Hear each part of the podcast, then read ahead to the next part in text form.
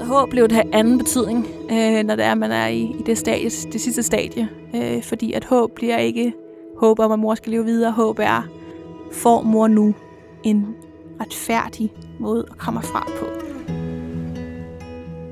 Mit navn er Sandra, og jeg hedder Sasha. Vi er søstre, og i 2022 mistede vi vores far til uhelbredelig kræft. I halvandet år levede vi side om side med vores fars sygdom, mens vi ventede på, at han skulle dø. I den periode stiftede vi bekendtskab med ventesorgen og mærkede, hvordan følelser som uvidshed, frygt, utilstrækkelighed og ensomhed voksede frem i vores hverdag. Ventesorgen er en sorg, som mange tusinder oplever hvert år, og der er desværre ikke særlig meget fokus på det. Det synes vi, der skal laves om på. Derfor handler vores podcast om, hvordan det føles at være i ventesorg, og sammen med andre pårørende eksperter, sætter vi fokus på de følelser, der opstår, mens man venter. Vi ønsker at lave en slags sorggruppe på lyd, som kan være dit fællesskab i ventesorgen, og give dig den støtte, som vi selv savnede, da vi stod midt i sorgen over vores far. Velkommen til podcasten Ventesorg. I dag har vi besøg af Rebecca. Rebecca hun er 23 år, og hun bor i Sorø sammen med hendes far og hendes bror. Til daglig er hun lærervikar, men hun har inden det været guide i et år. I starten af 2022 mistede hun sin mor til leukemi, men før hun mistede hende, var hun igennem en periode på to år, hvor hun mærkede, hvordan ventesorgen spænder ben for et ungdomsliv med udlængsel, og hvordan hendes rolle i familien ændrer karakter. Så velkommen til dig, Rebecca.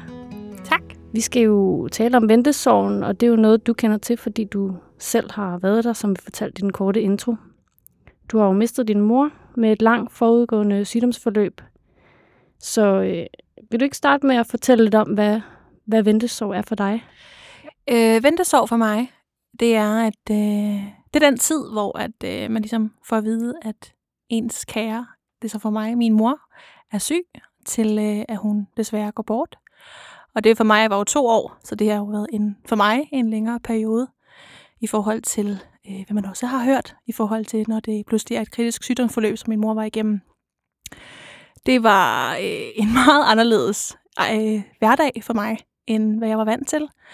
De der problemstillinger, som man lige pludselig skulle øh, igennem, som man ikke er vant til, når man er i sin start 20'er. Det var for eksempel, øh, nå, nu skal vi i gang med arv, vi skal i gang med testamente. Hvis det nu er, og hele den der, hvad nu hvis, og derfor skulle alt forberedes. Hvis det nu var, at det skulle ske, at hun gik bort, hvilket så var, at hun gjorde. Det var en hverdag, der hed 8-15 almindeligt arbejde, og så over til besøge mor på hospitalet. Hvilket var øh, meget anderledes i stedet for mine venner, som kunne gå på cafébesøg og øh, tage ud og shoppe, hvis det var det. Det havde jeg bare ikke tid, overskud og øh, følte ikke, at jeg kunne tillade mig at gøre i forhold til den situation, som øh, jeg var blevet stillet i. Og du siger, at det var 8-15, og så ud til din mor bagefter. Var det hver eneste dag, du tog ud til din mor? Nej, det var det ikke, fordi det lå alligevel en lille time væk. Det hospital, min mor hun blev indlagt på. Øhm, så det var ikke sådan super nemt, når man også skal have sit arbejdsliv til at gå i gang, og man stadigvæk har øh, sit eget liv, men også lige pludselig skal tænke over, selvom at jeg også vil indrømme, at igennem den her ventesår, der var det jo også, at min mors liv kom først i forhold til mit eget.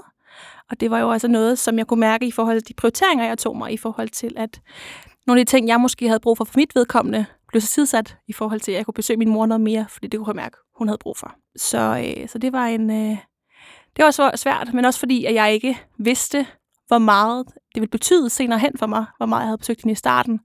Og også, jeg vidste ikke, hvad vi skulle snakke om, øh, når, jeg, når jeg sandelig var der. Fordi at hun sad der, så stadigvæk normal ud, havde hår, havde stadigvæk lidt fedt på kroppen. Så det var bare, at i stedet for at sidde i vores sofa, sad vi på en hospitalseng. Og ikke anede, hvad for det eventyr, øh, eller hvilken vej vi skulle gå igennem. Så, øh, så vi sad altid, min mor og jeg, og fordi hun vidste heller ikke, hvad vi skulle snakke om. så det var jo altid sådan noget, øh, når øh, skal vi snakke om om barndomsminder. og så var vi også sådan lidt, behøver vi det? Fordi du skal jo ikke dø. Det var jo hele tiden det, vi sagde, det var, at du skal ikke dø, mor. Øh, og det var også det, hun sagde selv til sig selv. Så det der med at skulle have de der alvorlige snakke så tidligt i forløbet, det var ikke noget, der føltes behageligt. Men det var også noget, vi tænkte skulle ske.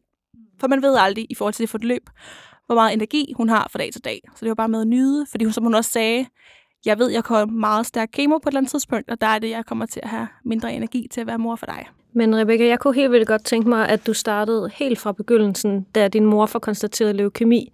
Hvordan, øh, hvordan husker du det? Jamen, øh, Det var i 2020. Det var marts. Min mor blev syv. Det var oppe i vores sommerhus i Nordjylland, hvor at, øh, vi lagde mærke til, at min mor hun var meget træt. Min mor hun ville ikke spise. Hun lå meget ned øh, i sengen, hvilket var meget uvandt i forhold til, hvad vi plejer. Allerede biltum vej op, der var det, hun allerede begyndt faktisk at have lidt kvalme. Og øh, det var lige før covid-19 begyndte at boble ud, så det var jo også øh, måske bare covid-19, øh, fordi man jo ikke vidste, hvad det var, og havde hørt de der symptomer, og det var noget lige det, min mor havde, hovedpine, kvalme, så vi var bare sådan, det er jo bare det der, eller en svær influenza. Men øh, hun øh, lå ned det meste af tiden deroppe, og så øh, var vi meget bekymrede, men der var ikke rigtig nogen læger deroppe, der ville kigge på hende, fordi at der var det her covid-19, som gjorde, at alle, der havde symptomerne, de måtte ikke komme. Så hun blev bedt om at blive hjemme. Øh, så det gjorde jo, at hun ikke kunne blive testet, hvis det var, der skulle være noget. Hun ville gerne have haft en blodprøve. Det måtte hun ikke.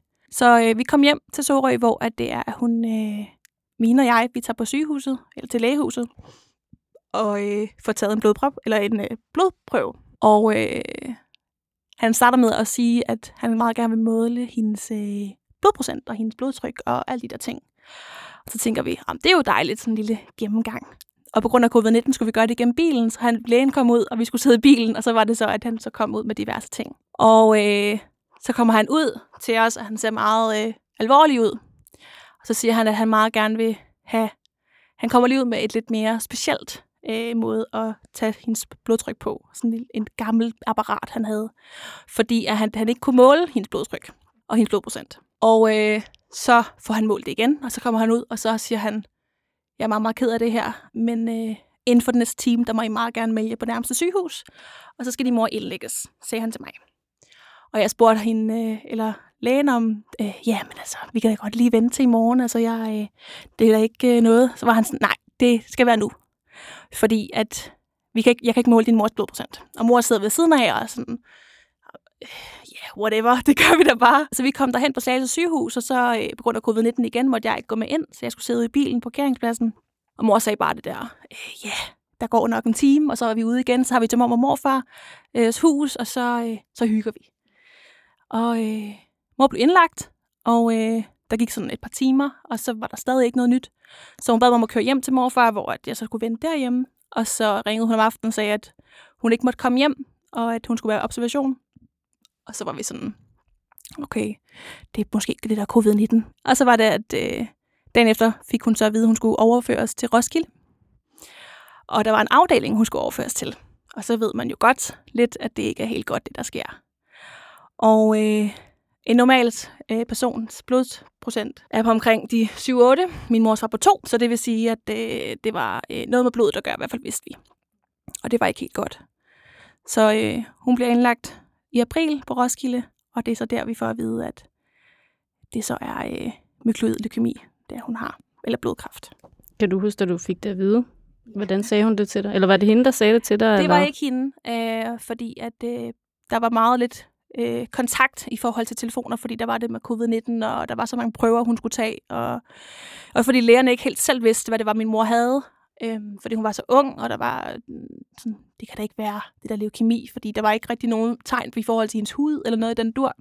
Men øh, det var min morfar, som, øh, som skrev til min bror og jeg, vi var på arbejde, bad os om at komme tidligt hjem, og så satte vi os ned i sofaen, og hvor han så beder os om at gå udenfor sammen med ham, så sidder vi derude, fordi vi skal have noget luft, når, vi, når det han siger. Og øh, så er det så der, han siger, godt. Så der er to ting. Der er en god ting og en dårlig ting. Det gode er, at det mor, hun har, det kan vi godt gøre noget ved. Det dårlige er, at det er blodkræft, det mor har. Og der sidder to teenage unge mennesker, og øh, min bror og jeg, vi sidder og, øh, og ikke rigtig forstår, hvad det egentlig er, der bliver sagt. Fordi at det har jeg aldrig tænkt skulle ske. Og øh, skulle være diagnosen i hvert fald. Og fordi, at når jeg har set knæk cancer shows og tv-serier og film med folk, der har kraft, så er det jo sådan noget med, at de bliver skaldet, og de bliver tynde, og de får kemo, og de får det rigtig dårligt, og det tager lang tid og hårdt på psyken, og huha, det var meget på en eftermiddag lige at skulle, øh, skulle tage ind. Så det, jeg faktisk gør, det er, at jeg øh, faktisk går for situationen, fordi at øh, jeg er altid den person af, at jeg skal have noget at lave. Jeg skal være i gang, når jeg får ting at vide. Så jeg gik over til min far og fortalte ham om situationen, hvilket er, når jeg kigger i bagspejlet, ret mærkeligt, at jeg ikke blev siddende og ligesom tænkte tingene igennem med min mor og min bror. For dem efterlod jeg bare. Dine forældre er skilt? Ja, mine ja. forældre er skilt. Det bliver de i otte. Øhm, så jeg gik over til min far og øh, fortalte ham om situationen. Og så sagde min, havde min far en masse spørgsmål, som jeg ikke kunne svare på, fordi at jeg egentlig ikke vidste noget om situationen. Jeg havde bare brug for at fortælle ham det også, fordi han var jo far til de børn, som hun også var mor til. Øh, og den situation også ville påvirke ham mm. øh, og hans måde at leve på. Så, øh, Hvorfor tror du, du gik væk? Jamen, øh, jeg tror måske, det var min, min måde på, at jeg ikke havde forstået det op i hovedet, i forhold til mm. det, jeg havde fået at vide. Jeg havde fået det ind i ørerne. Ja. Øh, men det havde ikke noget op til øh, mit tankesystem endnu. Så der tror jeg bare, at jeg havde brug for at fortælle til andre, for at jeg kunne måske få en reaktion fra min far i forhold til, hvor alvorligt det var. For det anede jeg jo ikke. Nej. Øh, så det var også min fars reaktion og min morfars reaktion i forhold til situationen. Og øh, der faktisk gjorde mig bange. Og det var ikke så meget, fordi min bror og jeg, vi var bare sådan, okay, hvad, hvad, det klarer vi da bare. Altså det er jo, det gør vi jo bare. Hun er mm. ung, og hun er frisk, og det gør vi. Og øh, så øh, havde min morfar skrevet til min mor, at øh, vi havde fået det at vide. Og så ringede vi til vores mor, og øh, snakkede med hende over telefonen, hvor hun også, også var uforstående omkring situationen, og sagde, at hun heller ikke vidste, hvad det var for noget, hun fejlede. Mm. Øh, og det var bare nogle fagfolk, der sagde noget fancy, øh, men, men at det åbenbart var meget alvorligt. Øh, så, så det gjorde også en ekstra utryg, mm. at hun ikke vidste, ja. hvad det var, der skulle ske. Var hun ked af det der, eller ja, var det svært for hende ligesom at, at sætte ord på hendes følelser, eller ville hun måske ikke det overfor jer? Øh, hun var meget uforstående på det, så det, det var meget svært for hende at føle noget. Øh, hun var meget bange, kunne jeg mærke på hendes stemme, i forhold til, at hun var bange for, hvad det ville gøre ved os som familie, og ved os som børn. Og øh, også det der med, at man ikke rigtig ved, hvordan den her mission, som det egentlig var, vi havde fået på at gøre hende rask, ville ende. Så også fordi hun ikke selv vidste, om hun ville overleve. Hun, hun vidste, at det var en, altså en sygdom på det tidspunkt, hvor vi var i starten af situationen, der kunne blive helbredt. Så hun var også bare sådan, det gør vi, jeg er ung og frisk, jeg går en masse ture, vi gør det hele. Øh, det kunne være værre. Ja. Det var det, hun sagde. Mm. Så hun havde mod til at starte med? Hun havde mod til at starte med, og hun sagde, den, den, den, øh, den slår vi ihjel, den selv, som er inde i mig. Så øh, det, det var lidt svært. Ja, ja hvad, hvad gjorde det ved dig at se din mor på den måde?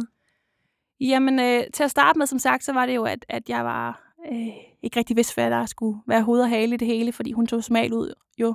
Det er først, da det var, hun begyndte at ja, øh, ligne en cancerpatient, at, øh, at det gik op for mig, fordi at det ydre ligesom passede til det indre. Mm. Så øh, jeg havde ikke forståelse i starten, da hun så, så, så normalt ud, at der var en masse dødbringende cancerceller inde i hende. Det forstod jeg ikke, hvad var overhovedet.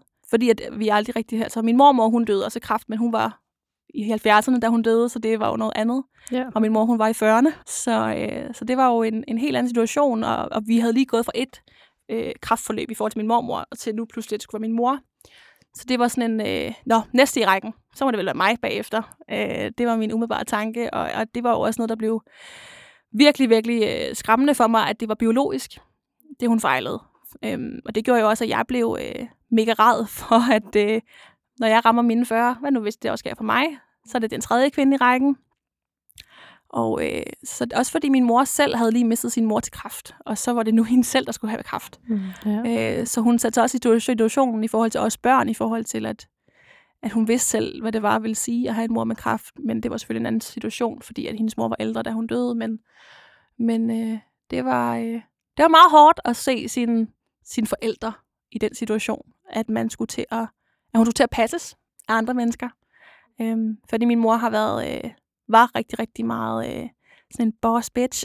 sådan en, der, øh, der kunne klare det hele, og, og sagde, det, det her, det, det klarer jeg selv. Og, og det har hun også øh, fået igennem hos, hos for eksempel mig. Så, så det der med, at lige pludselig skulle have øh, den her kvinde, som ikke ville dø, øh, var bange for at dø, ikke ville, øh, følte, at hun blev tvunget til det, øh, lige pludselig ikke havde noget valg mm. til, hvad det var, hun skulle, øh, skulle igennem.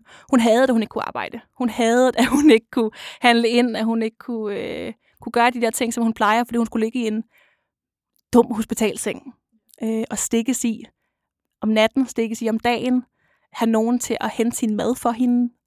Øh, Og, øh, og når hun skulle bruge noget, så kunne hun ikke selv gøre det, fordi at det var hun ikke i stand til i forhold til den situation, hun havde. Øh. Og hvor hurtigt gik det fra, at I fik det at vide? Altså jeg forestiller mig, at det må være gradvist, at hun er blevet dårlig. Og mm. Er det sådan, at hun er hjemme til at starte med, eller hvordan udvikler det sig? Ja, altså på grund af covid-19, så var der øh, meget på styr i forhold til, øh, hvordan hele situationen skulle takles. Fordi at der var jo også rigtig meget i forhold til os pårørende, når der var covid-19 lige i starten. Og der var jo også det der med, at vi ikke måtte besøge hende på samme måde, som man måske har ville, hvis der ikke havde været covid-19 øh, på, det, på det tidspunkt. Så, øh, så det var meget med øh, mange test og, øh, og, og mange øh, ja, øh, covid-19-test og øh, hele tiden var, på, var øh, opsat på, hvordan vi ligesom havde det, hvis vi havde feber eller noget som helst den tur, og måtte vi ikke komme på hospitalet. Øh, så det startede med, at hun var der i et lille stykke tid. Så kom hun hjem, skulle lades op, inden det var, hun skulle have kemo. Øh, den her med, at man siger jo, at de skal trænes op, de her øh, kraftpatienter, til at de skal igennem den her. Og øh, det var en af de hårde stoffer, som min mor sagde, øh, den type kraft, som øh, kemo hun skulle have. Øh, det var en af de værste, man kunne få. Det var en af de værste, som øh, også tog hårdest på kroppen. Så det skræmte hende også, at det var den første, de anbefalede til hende. Det var en af de stærkeste. Ja. Øh, fordi det har været lidt øh, nemmere for hele vores familie, hvis det var, at de, øh, de bare havde givet hende en af de milde, som en af de første ting. Og så kunne man få en af de værre, hvis det nu var, at situationen blev udviklet sig værende. Så det var også bare et, et slag i hovedet for os alle sammen, at det faktisk var alvorligt, alvorligt, det hun fejlede. Ja. Øhm, så det var ja, at hun, hun kom hjem, og så var hun på hospitalet, kom hjem, hospitalet. Øh, der var også perioder, perioder, hvor det var, hun var øh, mere på hospitalet end, end hjemme, på grund igen covid-19. Hele tiden være opmærksom på, på det også. Og under hele den her periode, hvordan har du det så? Altså, hvor, hvor er du henne i dit, øh, i dit liv for det første, men også sådan følelsesmæssigt. Hvordan øh, takler du det? jeg tror, at, øh, at jeg takler det øh, ikke rationelt. Jeg går på arbejde. Jeg øh, prøver at have en, en, en hverdag, som, øh, som kan fungere så godt som overhovedet muligt, som normalt som overhovedet muligt, for at min psyke kan, kan fungere, som den skal. Øhm, fordi der var rigtig, rigtig mange på mit arbejde, som, øh, da jeg også var lærervikar dengang, der var det, at jeg... Øh, det var rigtig, rigtig mange, min chef og så videre, de var, de var sådan, ej, bliv nu hjemme, og du skal da bare have tid til at, at være i det her, og, og, og altså, du skal ikke være her. Det er da en underlig prioritering, du laver med at gå på arbejde, det har du da ikke tid til, og det har du da ikke, øh, kan du det overhovedet? Øhm, hvor jeg så besvarede, at ja, fordi hvis jeg sidder derhjemme og kugelurer, så, øh, så bliver jeg fuldstændig bims oven i hovedet. Øhm, og jeg havde brug for at holde mig beskæftiget med noget, jeg vidste, hvad var. Og noget, jeg vidste, at når jeg mødte ind, så havde jeg fri klokken tre. Jeg havde mine faste timer. Jeg havde min, min, min, de specielle børn, jeg skulle se. Jeg vidste, hvad der skulle ske. Så jeg havde brug for at holde noget stabilt i mit liv i forhold til det meget, meget ustabilt, der skete i mit privatliv. Øh, men det var også meget, meget hårdt for min psyke, at jeg var på arbejde, når jeg havde et, mit fysiske arbejde som vikar, så var jeg også på arbejde som datter lige pludselig. Mm. I stedet for bare at være lejlende datter, som jeg plejede at være. Nu var jeg lige pludselig på arbejde. Øh, var lige så træt, når jeg kom hjem fra øh, om aftenen. Jeg var ekstra træt, fordi jeg havde følt, at jeg havde en, en dag og en nattevagt. Øhm. Og når du siger på arbejde, hvordan, hvordan tænker du det? Altså med din mor? Ja, Jamen, øh, jeg var på arbejde i forhold til, at øh, der var kørsel frem og tilbage på hospitaler. Der var øh, ubehagelige tanker, der lige pludselig kom og tog meget af min, øh, min tid og min, øh, min psyke og min, min kræfter og min energi. Øh, også fordi det var, øh, jeg begyndte at øh, studere lidt i forhold til, hvad det vil sige at have den type øh, kraft, min mor havde. Begyndte at... Øh, og have nogle af de der ja, ubehagelige tanker om, hvad nu hvis, når mor går bort? Gør mor det? Hvornår gør hun det? Hvad sker der så? Hvordan gør hun det overhovedet? Øhm, og det var jo ikke nogle tanker, der er vant til at, at være. Øh, også når jeg så snakkede med nogle af mine veninder dengang, hvor at, at det var så var, at vi snakker om hinandens dag, så var det, ja, hvad skal du så? Jamen, øh, så kunne jeg svare, ja, jeg skal på arbejde. Åh, oh, det skal jeg også. Og hvad så efter? Ja, så kunne jeg svare, ja, så skal jeg, øh, åh, jeg skal hjem, og så skal jeg begynde at sortere nogle af min mors ting. Det har hun bedt mig om. Øhm, og, og så skal jeg måske på hospitalet og besøge hende. Øh, jeg har også FaceTime med hende. Øh, hvem er dig? Og så går min veninde og svarer, nå, ja, jeg skal vel bare hjem og se tv, eller jeg skal bare øh, måske have en kop kaffe, øh, hvor at jeg tænkte, ej, hvor lyder det let og Mhm. dejligt mm. og, Ja. og, øh, og rart for dig. Og der var det, at, at der kom en side frem i mig, som jeg ikke brød mig om, men som jeg sagtens kan forstå kom. Den der jalousiboble, som lige pludselig kom frem, at, øh, at jeg blev herrende jaloux og herrende fred for mine veninder. Øh, og der er det jo igen den der med, at det er ikke mine veninder som sådan, jeg blev vred på. Det var mere bare deres situation, jeg blev vred på. Fordi det ikke var mig, der bare kunne øh, se tv, hvis jeg havde lyst til at komme hjem. Ikke skulle tænke på de der øh, store snakke, man måske skal have. Øh, skulle tænke over øh, de store livsspørgsmål, når man er i sin start 20'ere. Øh, det skulle de ikke. Det kunne de bare vente med, fordi ja. deres forældre ikke var syge. Følte du dig distanceret fra dem? Ja, helt vildt. Jeg følte, at, øh, at jeg ligesom, øh, og det har jeg sikkert også været omvendt, men at, øh, at der var en, en usynlig barriere imellem os, som, øh, som gjorde, at, at, at der var sådan et, øh, det var som om, at vi talte forskellige sprog. Ja. Øh, ligesom at når man er ude at rejse, og at man er i et land, hvor man ikke taler sprog. Det var ligesom, jeg havde sammen med mine veninder. Hvilket var, var meget mærkeligt, fordi man er vant til, at vi lige pludselig kan forstå hinanden. Og, og det der var mine veninder, som jeg også følte, jeg havde en meget tæt relation med, og det havde jeg jo også. Og, og vi kunne tale om, om de samme ting, fordi vi havde samme hverdag, og lige pludselig så var det, at min livshverdag og min, øh, min tankegang lige pludselig var vendt 180 grader i forhold til deres. Så det gjorde også, at der blev distanceret imellem os, og hele kontakten imellem mig og mine veninder, øh, og min omgangskreds for den sags skyld også. Fordi at der bare var den her øh, pause, og den her, øh, den her underlige øh, situation, som jeg var blevet sat i, og de også var blevet sat i, i forhold til, at øh, jeg lige pludselig var hende med den syge mor. Og ikke bare syg med forkølelse, men syg med, øh, med leukemimor. Øhm, så det gjorde helt klart, at, at jeg også blev lidt mere ensom, end, øh, end jeg måske havde, havde lyst til at, at være. Og, og det kan jeg sagtens forstå, fordi hvis det havde været omvendt for mig, og en af mine veninder havde stået i den situation, jeg stod i på det andet tidspunkt, og stadig gør, øh, men så ville jeg da også have det underligt.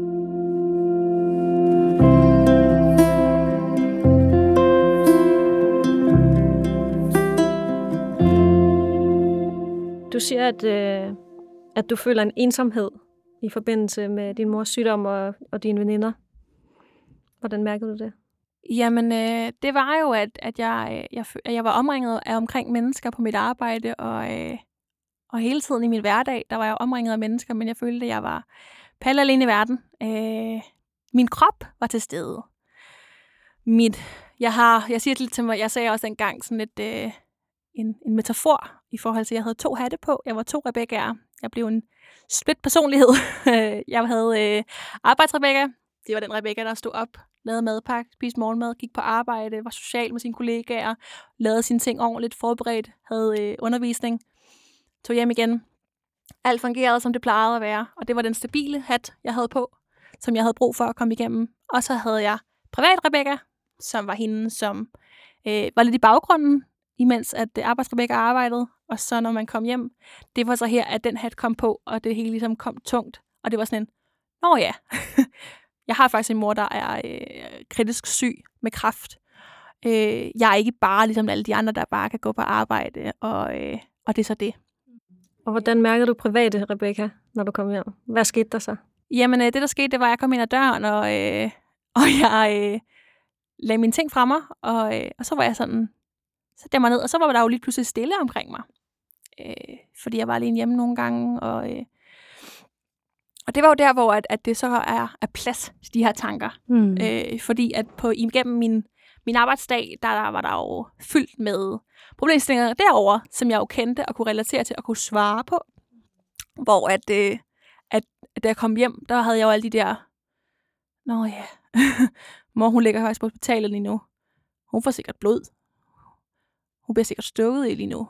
Hun har sikkert fået klam hospitalsmad. Altså, det var sådan, var sådan nogle, øh, nå ja, hun er der. Hun er ikke her.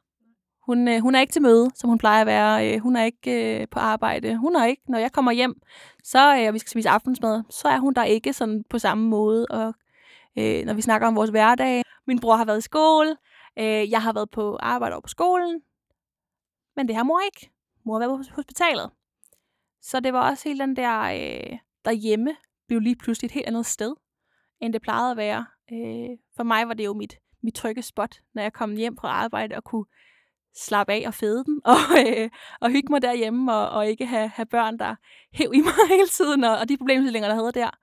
Øh, der var det bare mig, ja. øh, som jeg plejede at være. Og, øh, og der lige pludselig, det rum blev lige pludselig også det, men det blev også et rum, hvor at det mindede om hende. Ja. Det mindede om vores hverdag, det mindede om vores familie, og, øh, og det var også nogle det der med, at, at det, det, her, det her hjem, er det et hjem, jeg har om fem år? Er det et hjem, jeg har om, om tre år? Er det et barndomshjem, jeg har, når jeg har børn om mange, mange år, hvor mor sidder? Mm. Så det blev øh, lige pludselig alle de her overtanker, øh, som jeg havde, og, øh, og det var mega irriterende, at de kom frem, og, øh, og, og det gjorde bare, at jeg blev mere og mere træt, og, jeg for, og det var også der, at nogle af de der øh, andre følelser også kom frem, som jeg havde en del af processen, de der frustreret, vred, irriteret, ked af det, de der negative ting, og, øh, og det var desværre noget, der kom naturligt. Øh, fordi at øh, jeg havde også tænkt, lige da vi fik der videre sådan noget, åh, oh, det bliver en træls periode. Men det klarer vi jo. Men, men det der med at lige pludselig, at, at den naturlige følelse for mig, når jeg kom hjem fra arbejde, og nogle gange havde de her tanker, det var ikke glæde. Øh, det var de her vred, frustreret, ked af det, virkelig sådan dybt nede, som gjorde, at jeg faktisk kunne være, øh, være helt slået bagud, hvilket overhovedet ikke var lige mig, fordi jeg har også den der, igen med min mor, den der med, at jeg kan klare det hele, der er ikke noget, der kan slå os ned, jeg har fået meget værre. Øhm, så, så det var den der med, at altså, jeg har haft en, en, en hvad hedder det, en, en hård barndom i forhold til at, at gå i skole med det sociale der. Og, så jeg havde, havde ligesom godt en fornemmelse af, okay, altså, det har været værre, altså, det, det kan jo ikke være værst. Altså, øh, det klarer vi. Ja. Jeg har haft øh, andre udfordringer før, og det klarede vi også. Øhm, men den her udfordring, det var jo et, en udfordring, som, som var større, end hvad jeg egentlig havde øh, tanker til. Ja, øhm. Måske også noget, du ikke i virkeligheden kan slippe af med, og ja. ikke ved, hvornår du slipper af med. Og når Præcis. du så slipper af med det, så er det jo måske, så er det formentlig med et, et dårligt udfald, ja. du kommer til at slippe af med det. Præcis. Så det var primært de dårlige følelser, der, der, der fyldte for dig, når du kom hjem? Ja, det var det. Øhm, det var også de glædelige øh, en gang imellem, det der med, at åh, så har jeg tid til nu at, at ringe og høre, hvordan mor har det. Øhm, men, men det var også det der med, at, at det var, jeg ringede på bekostning af, at jeg skulle høre, hvordan hun har det på hospitalet. Og ikke på bekostning af, at oh, hun har sikkert hun havde været ude med nogle veninder, og de havde haft en god aften, og det skulle jeg høre om. Som vi plejede, det var mere bare, at mor på hospitalet, det er derfor, jeg ringer. Og der var det, at der kom noget skyldfølelse op, også fordi jeg nogle gange også følte, at jeg skulle ringe, fordi at det havde jeg ikke gjort i et par timer. øhm, fordi at der også hele tiden var den der med, hvad er rigtigt og forkert at gøre.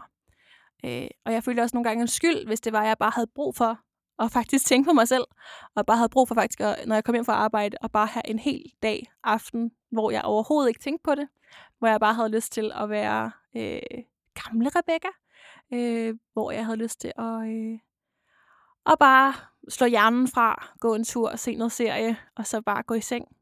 Øh, og det kunne jeg få helt vildt dårlig skyldfølelse over øh, at jeg kunne tillade mig at gøre det, når min mor hun, øh, hun var syg. Også fordi på det ved tidspunkt, der altså, anede man jo ikke, hvor lang tid det her periode skulle gå på. Så hvad kan man tillade sig at gøre som tæt pårørende til den syge? For det var også helt tiden det, jeg gik på. Øhm, og der var det den her øh, forandring, ligesom kom med, at, at jeg begyndte at prioritere mere, hvad mor har brug for, end hvad jeg har brug for. Mm. Og hvad, kan du være, hvad kunne det være for nogle ting? At hun havde brug for, eller jeg havde brug for. Øh, hvad, hvad du prioriterede ja. hende over dig. Øh, hvad for nogle ting kunne det være, at du ikke valgte at gøre? Mm. Jamen det var for eksempel sådan noget med, hvis jeg havde haft en, en lang arbejdsdag, og virkelig var træt. Mm. så øh, i stedet for at, at tage en, en lang lur, øh, eller øh, køre en tur, komme lidt væk, så, øh, så tog jeg lige en falsk time ekstra på min søvnparametre, og så øh, valgte jeg at tage ståpidsbukserne på, masse energi, og så ringe til mor, fordi hun havde det jo helt klart værre end mig. Hmm. Øhm, og der var hele tiden det der med, at åh, hvis jeg har haft, hvis jeg er træt, så må hun være ekstra træt, så jeg kan overhovedet ikke tillade mig at, øh, at bare slappe af, når det er mig, for jeg er ikke syg. Øhm, så, så det var jo hele tiden den der med, at, at, øh, at prioritere hende over mig selv, øh, også i forhold til øh, veninder, som jeg skubbede væk, øh, selvom jeg nogle gange godt kunne have brug for det, øh, at, at have et lille venindebesøg, og fordi at jeg havde nogle, har nogle meget, meget søde veninder, som, som var meget gode til at spørge ind til, hvad jeg havde brug for, og om der var noget, de kunne hjælpe med. Mm. Kan du svare på det? Ikke altid. Nej. Øhm, der var rigtig, rigtig mange, som lavede den der, hvad kan jeg gøre? Du må bare sige til. Mm. Den værste sætning, jeg nogensinde kender, det er den der, du må bare sige til. Ja. Fordi, hvad skal jeg sige til? Og hvilket stadie skal jeg være i, før jeg siger til? Og det er da så meget mere grænseoverskridende for mig at skulle sige til, at gøre mig til, post, øh, til besvær. Mm. Øhm, og så var de jo bare sådan, nej, det er det ikke. Det er, jo, det er jo derfor, jeg tilbyder det. Og jeg ved jo ikke, hvornår det er, du har brug for det. Derfor så tilbyder jeg, at du skal sige til, Mm. og så kan jeg være der. Men den situation, det kan jeg slet ikke bruge til noget som helst. Nej, jeg tror egentlig Øh. også, det er lidt misforstået. Ja, Eller, det er jo selvfølgelig en god mening, men der er jo mange, der siger, du må sige til. Men Mhm. det gør man jo Det gør man ikke. ikke. nej, Der er nogen, der skal bare gøre noget. ja. Altså, Øhm, jeg havde måske, øh, jeg havde for eksempel en, øh, en, mor, en nogle af mine mors veninder, de, øh, de kom nogle gange med frokost, eller de kom nogle gange med aftensmad. Og det var rigtigt, altså det var nærmest lige så, lige så fedt, øh, som hvis det var, at de havde givet mig øh, altså en, øh, det var sådan en hjælpende hånd, som man kunne give. Og det var faktisk det, som jeg synes var mega fedt, det var, når folk bare gjorde noget. Øh, fordi at det der med at sige til, jamen, øh, vil du lave aftensmad for mig? det, altså, det lyder lidt mærkeligt. Øhm, og det kunne jeg ikke lide at sige. Så det var bare dejligt, det der med, at der bare var folk, der, der bare gjorde noget. Øh, jeg havde også nogle veninder, hvor de bare var sådan, godt, øh, hvad, hvad laver du nu? Øh, ikke rigtig noget. Godt, hvad nu, hvis jeg lige er på, foran din dør om 20 minutter, så går vi en lille tur, dig og mig. Det, det tænker jeg er en god idé for dig. Og det var bare sådan en, huh, jo, det, det, jo, altså det der med, at der er bare nogen, der gør noget for mig, det var, øh, det var ret fedt. Øh, så, så ja, det der med at, at, at prioritere veninder fra, for igen at prioritere hende og vores familie, og, og de seriøse snakke, også for prioriteret dem, fordi jeg kunne føle, at det var vigtigt for hende, at vi skulle snakke igennem de ting. Øhm, men det var også vigtigt for mig. Jeg tror bare, at det var mere vigtigt for hende, fordi hun måske vidste alvoren lidt mere, end jeg gjorde. mm. Føler Ja. du, hun holdt noget hemmeligt for jer, eller øh, siden du siger, at, at hun forstod måske mere alvoren af det end jer?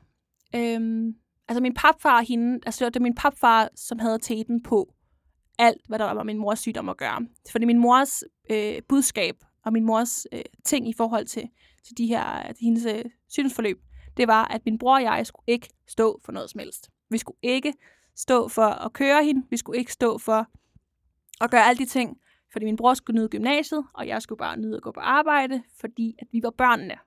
Og det var den der forældre, der gik op i hende. Og det er jo klart. Mm. Øhm, hun ville hellere have, at det var nogle voksne mennesker, som hun sagde selv, der skulle gøre det for hende.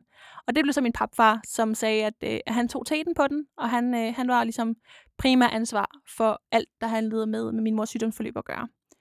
Og øh, det er jeg stadigvæk i dag, har jeg også sagt til ham, rigtig, rigtig glad for, at han gjorde, for det gjorde jo, at min bror og jeg kunne have vores normale øh, ung voksen liv, som, øh, som normalt, som man overhovedet kunne være, liv øh, til at fungere, som vi havde brug for. Så, så, og der følte jeg, at de holdt nogle ting skjult, men det var også fordi min mor, hun ville gerne have, at vi kunne, kunne stadigvæk gå på arbejde, stadigvæk kunne gå i skole, øh, uden at det var, at vores verden fuldstændig skulle krakelere. Øhm, og min mor, hun havde også den tanke med, at de skal ikke vide det, medmindre det er virkelig alvorligt. Eller sådan noget, medmindre det er virkelig vigtigt, de ved det. Øhm, og jeg har også en talt med min mor øh, senere hen i forløbet omkring nogle af de startperioder, hvor hun ikke rigtig sagde så meget. Det var, fordi hun ikke selv vidste, hvad det var. For det havde min papfar styr på. Hun havde heller ikke styr på det. Det var mere min papfar, som ligesom stod med for alle detaljerne. Øh, hvor min mor ligesom bare havde den der, jeg vil, så gør jeg det. Ja. Øhm, så det var, øh, det var lidt underligt, det der med, at hun også bare var lidt lige så u- uviden faktisk, som jeg var. Ja. Gjorde det dig nervøs, eller? Ja, det gjorde jeg. Øh, fordi min mor, hun... Det var, så- det, altså hele situationen var jo over vores hoveder. Øh, og det var jo ligesom hende, det var. Det handlede om, for det var hende, der ligesom havde de her kraftceller inde i kroppen. Så det var også derfor, jeg var meget nervøs, når hun ikke rigtig vidste, hvad der foregik. Øhm, men hvis jeg selv skulle sætte mig i den situation med, at det var mig, der var den syge, så ville der da også være for mange informationer til, hvad jeg kunne overkomme. Øh, og der var det jo dejligt, ja, at min papfar så tog teten på at tage alt faktaen, og så bare øh, formidle det på børnesprog til, øh, til de pårørende, som mig og min bror for eksempel. Og du følte, du fik nok information fra ham. Det var ikke sådan, at du, du var nervøs for, at der, der var noget, du ikke fik at vide, og noget, du fik, øh, gik glip af i forhold til, at, at, at du skulle være bange for, at, at din mor lige pludselig skulle dø, eller mm. at det var mere alvorligt, end de sagde, eller... Jamen, øh, altså min mor, hun havde en meget øh, stærk holdning til, hvilken information vi skulle have som børn. Og, øh, og det var også sådan der med, at, at øh, hun ville ikke gøre os unødvendigt nervøse, hvis der var der ikke var noget at være nervøs over. Så, så den information, som vi fik, min bror og jeg, det var den, som min mor havde accepteret, at vi skulle have. Øh, min mor hun var også meget god til kommunikation i forhold til at spørge mig, hvad har du brug for at vide? Er, er der noget, du ikke har lyst til at vide? Øhm, har du lyst til at vide, om hvordan min dag har været hver dag? Har du lyst til at få et, et, sådan et ugenligt referat? Har du, har du brug for at høre om alle scanninger, alle blodprøver? Hvor jeg sagde til hende, at øh, nej, jeg har faktisk bare brug for, altså hvis du har for eksempel haft en god dag, det vil jeg gerne høre om. Øhm, alle scanninger behøver jeg ikke, men de vigtige scanninger, dem vil jeg faktisk gerne høre noget om. Ellers så, hvis du bare øh, fortæller en gang imellem sådan en lille update, så vil det være fint. Men jeg har ikke brug for de der vilde detaljer, øh, på det tidspunkt i hvert fald. Øh, fordi jeg havde, øh, var sådan, hvorfor skal jeg bruge det? det hvis jeg bare får sådan overordnet, det er fint. Altså, så, øh, så følger jeg med lidt på sidevejen.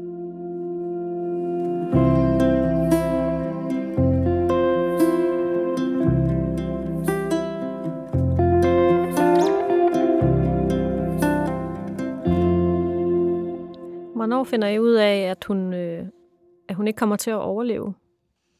Ja, altså, øhm, min mor, øh, for min mor, hun skulle overleve det her, så var det, hun skulle have en øh, transplantation af stamceller. Og øh, der var øh, det her med at finde donor, og der var der heldigvis en, en, en pige i start 20'erne i Holland, som meget gerne ville donere, hvilket jo var en øh, festdag, da vi fik det at vide. Ja, det må det have været. Så øh, i, øh, i 20, der i, øh, i efteråret, det var så der i øh, september, mener jeg, det var, der var det, at øh, min mor hun havde en genfødsel, som man kalder det. Vi var på Rigshospitalet i København, fordi min mor hun var både på Roskilde og på Rigshospitalet, på grund af hendes alvorlige situation. Øh, der var det, hun havde genfødsel, hvor at øh, min bror og jeg fik lov til at trykke på posen, og den skulle ind i, øh, i kroppen på hende, og græd og glæde, og pandekager, og øh, hele det her swang. Og der var det jo, at øh, der var gode tegn, og øh, min mor hun blev faktisk øh, gik tilbage på sit gamle arbejde, på skolen, hvor jeg også arbejder. Og så øh, var til jobsamtale igen, og øh, sagde, det går bare mega godt det her, og, øh, og det var så fedt. Og øh, jeg var også i, det var også der, jeg sagde til min støttegruppe, som jeg var i, at, øh, at jeg faktisk ikke rigtig ved, om jeg skal være i gruppen længere, fordi min mor ikke er syg nok. Øh, jeg har svært ved at relatere til nogle af de ting, der bliver sagt, hvor at psykologen, der var der, hun var også sådan, jamen det er jo også fordi, du står lige pludselig i en situation, alle bare glæder sig til at opleve. Og det er, at man øh, har en forælder, der ikke er syg nok til at være der. Så det var hele det her, det var den sådan en øh, glædesboble, der bare var, øh, efter sådan et langt forløb, hvor vi kunne komme tilbage til vores normale liv. Og øh, så var det i 21. Min mor, hun begyndte at få lidt, lidt vanskeligheder igen, lidt, øh, har det lidt dårligt, og begynder at, øh, at komme lidt nedad. Øh, og det forstod vi ikke rigtigt, fordi vi havde fået at vide, at den her øh, transplantation, det var sidste step. Den skulle gøre hende rask? Eller? Ja, den ja. skulle gøre hende rask. Så det skulle hjælpe på det sidste sammen med kemoen. Det skulle være stamcelletransplantationen. Og så skulle det være øh, den her kemo. Det var ligesom sammen skulle hjælpe med at gøre hende rask. Mm. Og det var jo bare fedt. Men jeg så sad der i, i 21 i starten af året, eller i 22, 21, 21. Øh, det var så der, hvor at det begyndte at gå nedad, hvor vi så fik at vide, at den øh, donation, hun havde fået, var øh, ikke rigtig havde sat sig fast i hendes krop, og den var begyndt at lidt at, at afslå. Og hvordan føles det? Det var altså, forfærdeligt, fordi at de giver ikke to donationer. Øhm, og min mor havde fået fra en ung pige i 20'erne, øh, som havde de bedste øh, helbred, og øh, det var bare vildt fedt. Så hvis den ikke virkede, øh, så var der meget usandsynligt, der var noget, der ville virke i forhold til en ny donation. Og det så jo vores familie helt ud, fordi det gjorde jo så, at vi så skulle være enafhængige af den kemo, hun ville få. Men vi vidste også, at hvis hun ikke fik transplantationen, så var det lige pludselig en helt anden situation, vi stod i i forhold til at være rask. Så skulle det mere bare være, at hun skulle leve med det, hvis det endelig var, hun skulle det. Og kunne hun det? Og hvor lang tid? Og så begynder alle de der spørgsmål. Hvor lang tid har mor tilbage? I stedet for, øh, mor skal leve videre, så var det, hvor lang tid skal mor leve videre? Og det skift, det gjorde så ondt. Og det gjorde bare, man blev bare helt slået ud. Og det var bare sådan en, come on, altså giv os noget et eller andet.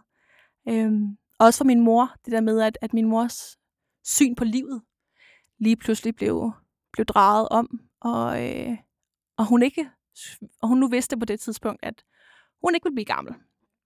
Øh, så det var, øh, det var meget, meget hårdt. Og så var det der, ja, at i 21, at, øh, at vi begyndte at, at tænke de tanker, og så var det, at øh, hun fik et, et dårligere og dårligere helbred, og, og hendes immunforsvar var simpelthen sådan lavt på grund af den her kemo, hun fik. Det gjorde så, at der kom infektioner nemmere, gjorde, at mor fik mere og mere sygdom ind i sig, og øh, desværre så var det, at der kom en, øh, en svamp, som øh, kom i hendes lunger, som simpelthen satte sig fast. Og øh, det gjorde, at øh, det blev endnu sværere for den her øh, kraft og, øh, at blive slået ud. Fordi den medicin, min mor skulle have mod den her svamp, det var sådan en cancerelsker.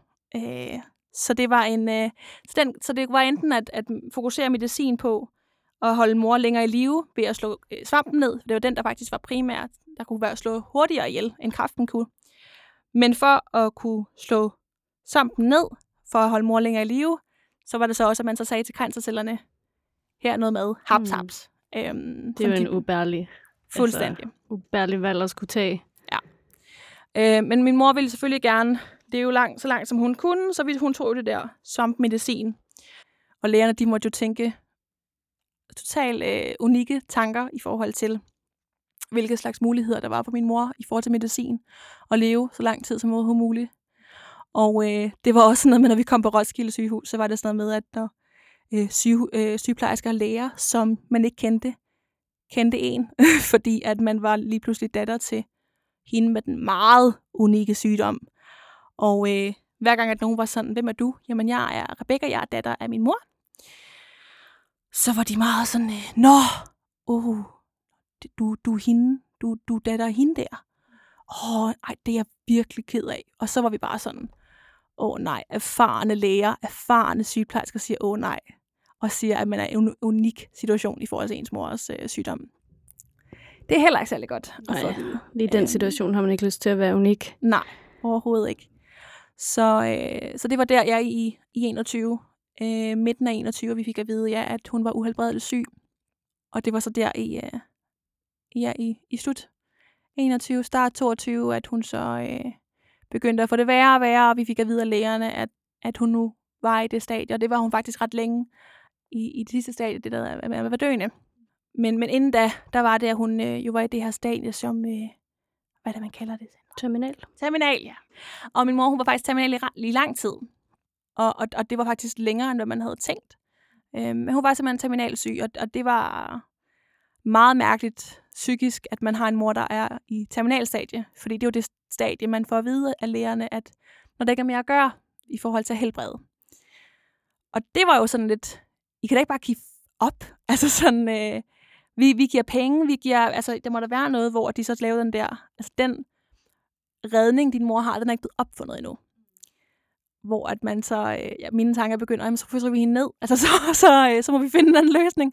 Hvor de siger til mig, at, øh, eller siger til os som familie, at, at min mor nu er i, i terminalstadie, og at vi skal være øh, klar på nu, og skulle indstille os på, at det er det, hun er, og der ikke kommer en mulighed for at komme ud af det her stadie.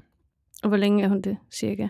Hun er terminal i okay lang tid, altså sådan flere måneder faktisk, okay. er hun terminal. Ja. Og så er det så der, ja, i omkring jul 21, øh, at hun øh, begynder ja at, at være meget tynd, og hendes livs glæde i hendes øjne er begyndt sådan at, at være lidt væk. Og øh, der i start 22, det er så der, hvor hun begynder ja, at få det værre og værre. Begynder at få flere og flere infektioner meget, meget nemt, hvilket også gør, at, at den sidste stykke tid, hun har at leve, det er så der, hvor hun skal have det alt absolut frygteligt. Jeg synes simpelthen, det er så ubegribeligt, at en så stærk kvinde og en så sej og sød og venlig kvinde skal gå ned på den måde. Altså, at, at det er en, en forfærdelig situation, hun bliver sat i. Mm. Den måde, hun skal dø på. Kunne, hun be- kunne I bevare håbet undervejs, eller hvordan snakkede I om det? Og... Altså håb blev det have anden betydning, øh, når det er, man er i, i det, stadie, det sidste stadie. Øh, fordi at håb bliver ikke håb om, at mor skal leve videre. Håb er, får mor nu en retfærdig måde at komme fra på? Får mor nu en værdig måde at komme fra på? Mm. Øhm, og det gjorde hun bare overhovedet ikke. Øh, hun blev, øh, jeg siger, når, når, når, hvordan døde din mor? Jamen, hun blev slået ihjel. Ja. Hun blev dræbt, øh, fordi at det var, hun var, hun ville ikke dø. Hun var bange for at dø. Hun, øh, hun synes, det var mega øh, hårdt og irriterende at skulle have så meget hjælp og skulle have, øh, være, så, altså, være i sådan en situation, hvor det er så uværdigt.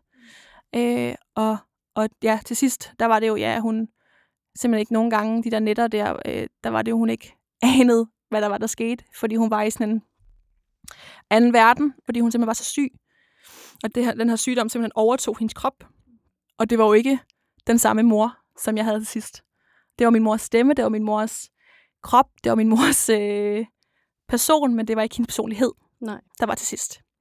Og det var også bare det der med, at når man skal til at tage afsked med sin mor, at, at, at det så faktisk er en, en mor, som er så, så plaget og, og lider så meget. Og, og hun prøvede jo også at gemme det for min bror og jeg, fordi hun simpelthen øh, ikke ville, ville skræmme os alt for meget, men vi vidste jo godt, hvad der foregik. Og der var også jo nogle, nogle aftener og dage, hvor det var, at jeg tog styringen, som min papfar også gjorde med at, at hjælpe hende. Og det var jo her, hvor at jeg har jo min mor og jeg vendte jo lidt op og ned på de roller, man har som forældre som barn. At, at jeg har jo hjulpet hende øh, en af de sidste, den sidste uge, hun var i live. Der var min bror og jeg og hende på, på tur til land. De er kun også tre, og øh, hun kunne ikke holde ud at sidde på restaurant. Hun sad og, og rystet over hele kroppen. Var simpelthen så tynd at se på, og, og synes selv, hun var så grim. Og, og jeg synes jo bare, hun var vildt smuk. Men, men det var jo også, fordi hun vidste, hvordan hun også ville se ud og så ud før. Og, og der var jo også nogle nætter der på den her tur her, hvor at, at jeg simpelthen var søvnløs og skulle tage temperatur hver femte minut, og havde en mor ved siden af, som drømte om, at hun var ved at svæve op i luften, og øh, var ved at sige farvel, og, og at jeg så måtte vække hende og være sådan, hvad snakker du om, mor? Hvor hun så sagde til mig i, i halvgråd, jeg ved ikke, hvad der sker. Jeg ved ikke, hvad jeg siger. Jeg kan ikke huske, hvad jeg siger. Og jeg kan ikke gøre for det. Og hun var simpelthen så ked af, at, at det var den situation, det var i. Men, men som hun også sagde, at, at hun kunne ikke gøre det selv, og hun havde ligesom brug for en, og det, og det var mig, og, hun, og vi skulle give min pappa fri. øhm, og det var jo også en, en måde for mig, og min bror også for den sags skyld, at, at, at opleve hende til sidst som det, hun faktisk var syg af. Øh, og så er det så, hun får det værre og værre, og til sidst er det også, hun har for ilt. Mm. Øh, og så er det så der, hun går bort den 22. februar 2022.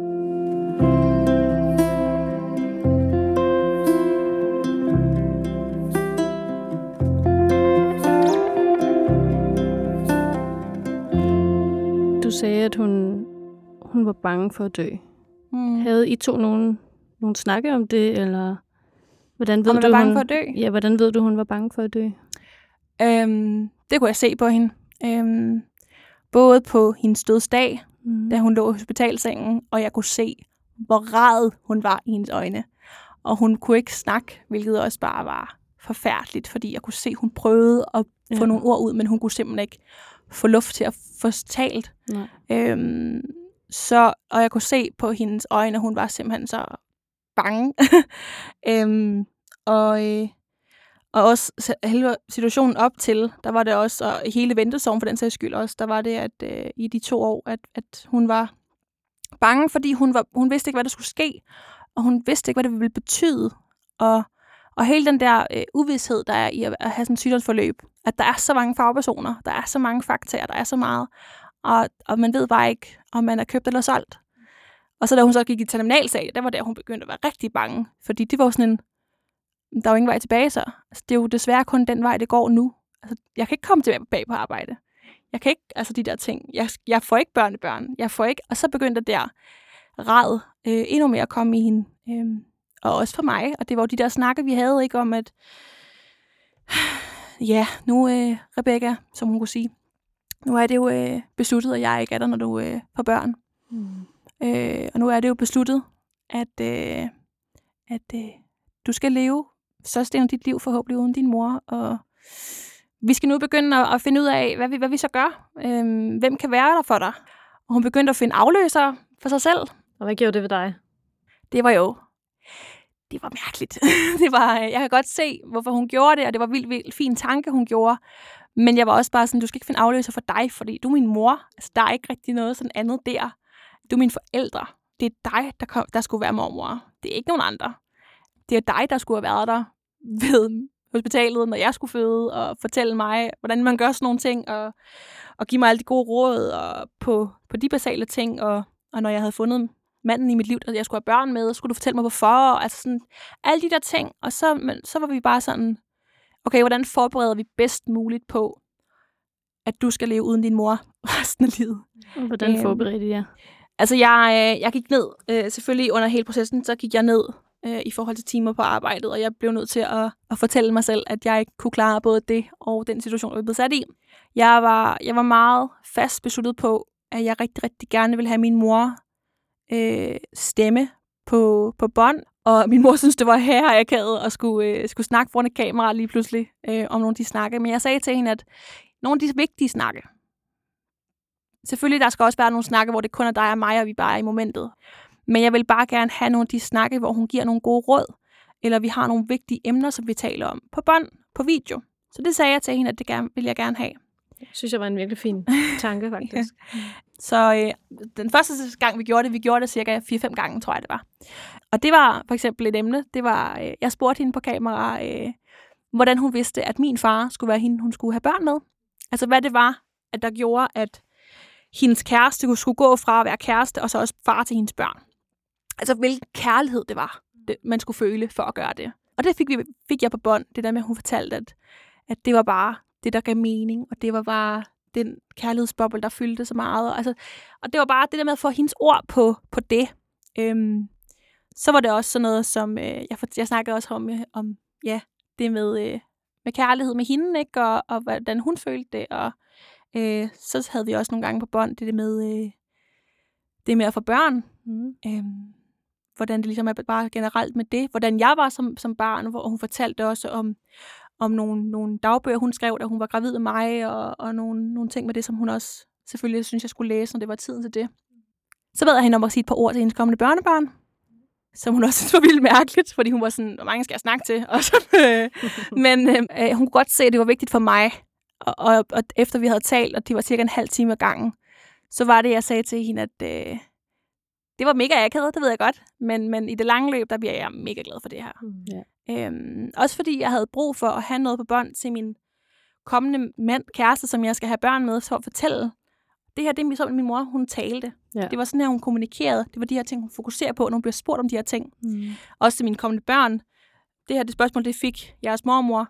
Sådan her svarer hun på det. Mm. Øh, fordi at den kvinde, min mor, hun var og er, det er jo en, de aldrig kommer til at møde, og det er jo kun en, de kommer til at møde igennem de fortællinger, jeg fortæller, eller mine, dem, som kendte hende. Så der var det bare vigtigt for mig at, at have nogle videoer, hvor det var, at hendes mimik også var der. Så man ligesom kunne, kunne få lidt ind der. Øhm, og så var det bare, ja, have en masse snakke og, og prøve så godt man kunne for at, at få snakket alle de vigtige snakke.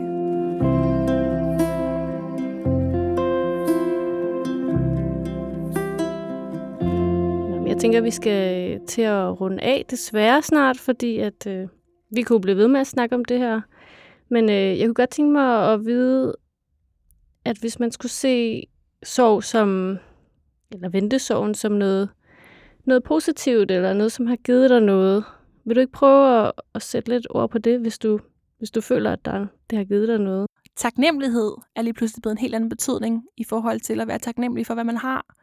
Taknemmelighed for, hvad livet egentlig er. Betydning af, at, at, at livet egentlig bare er, er, er skrøbeligt.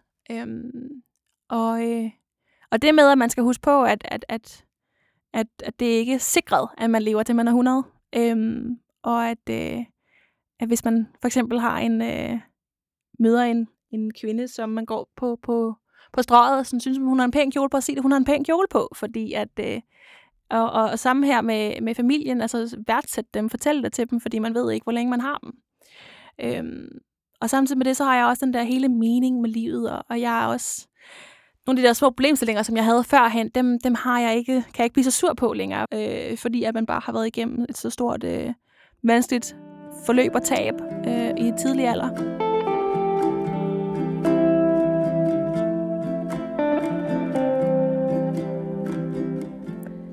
Men uh, Rebecca, vi vil bare sige mega mange gange tak, fordi du ville komme og uh, dele din historie med os. Det, uh, det er vi rigtig glade for.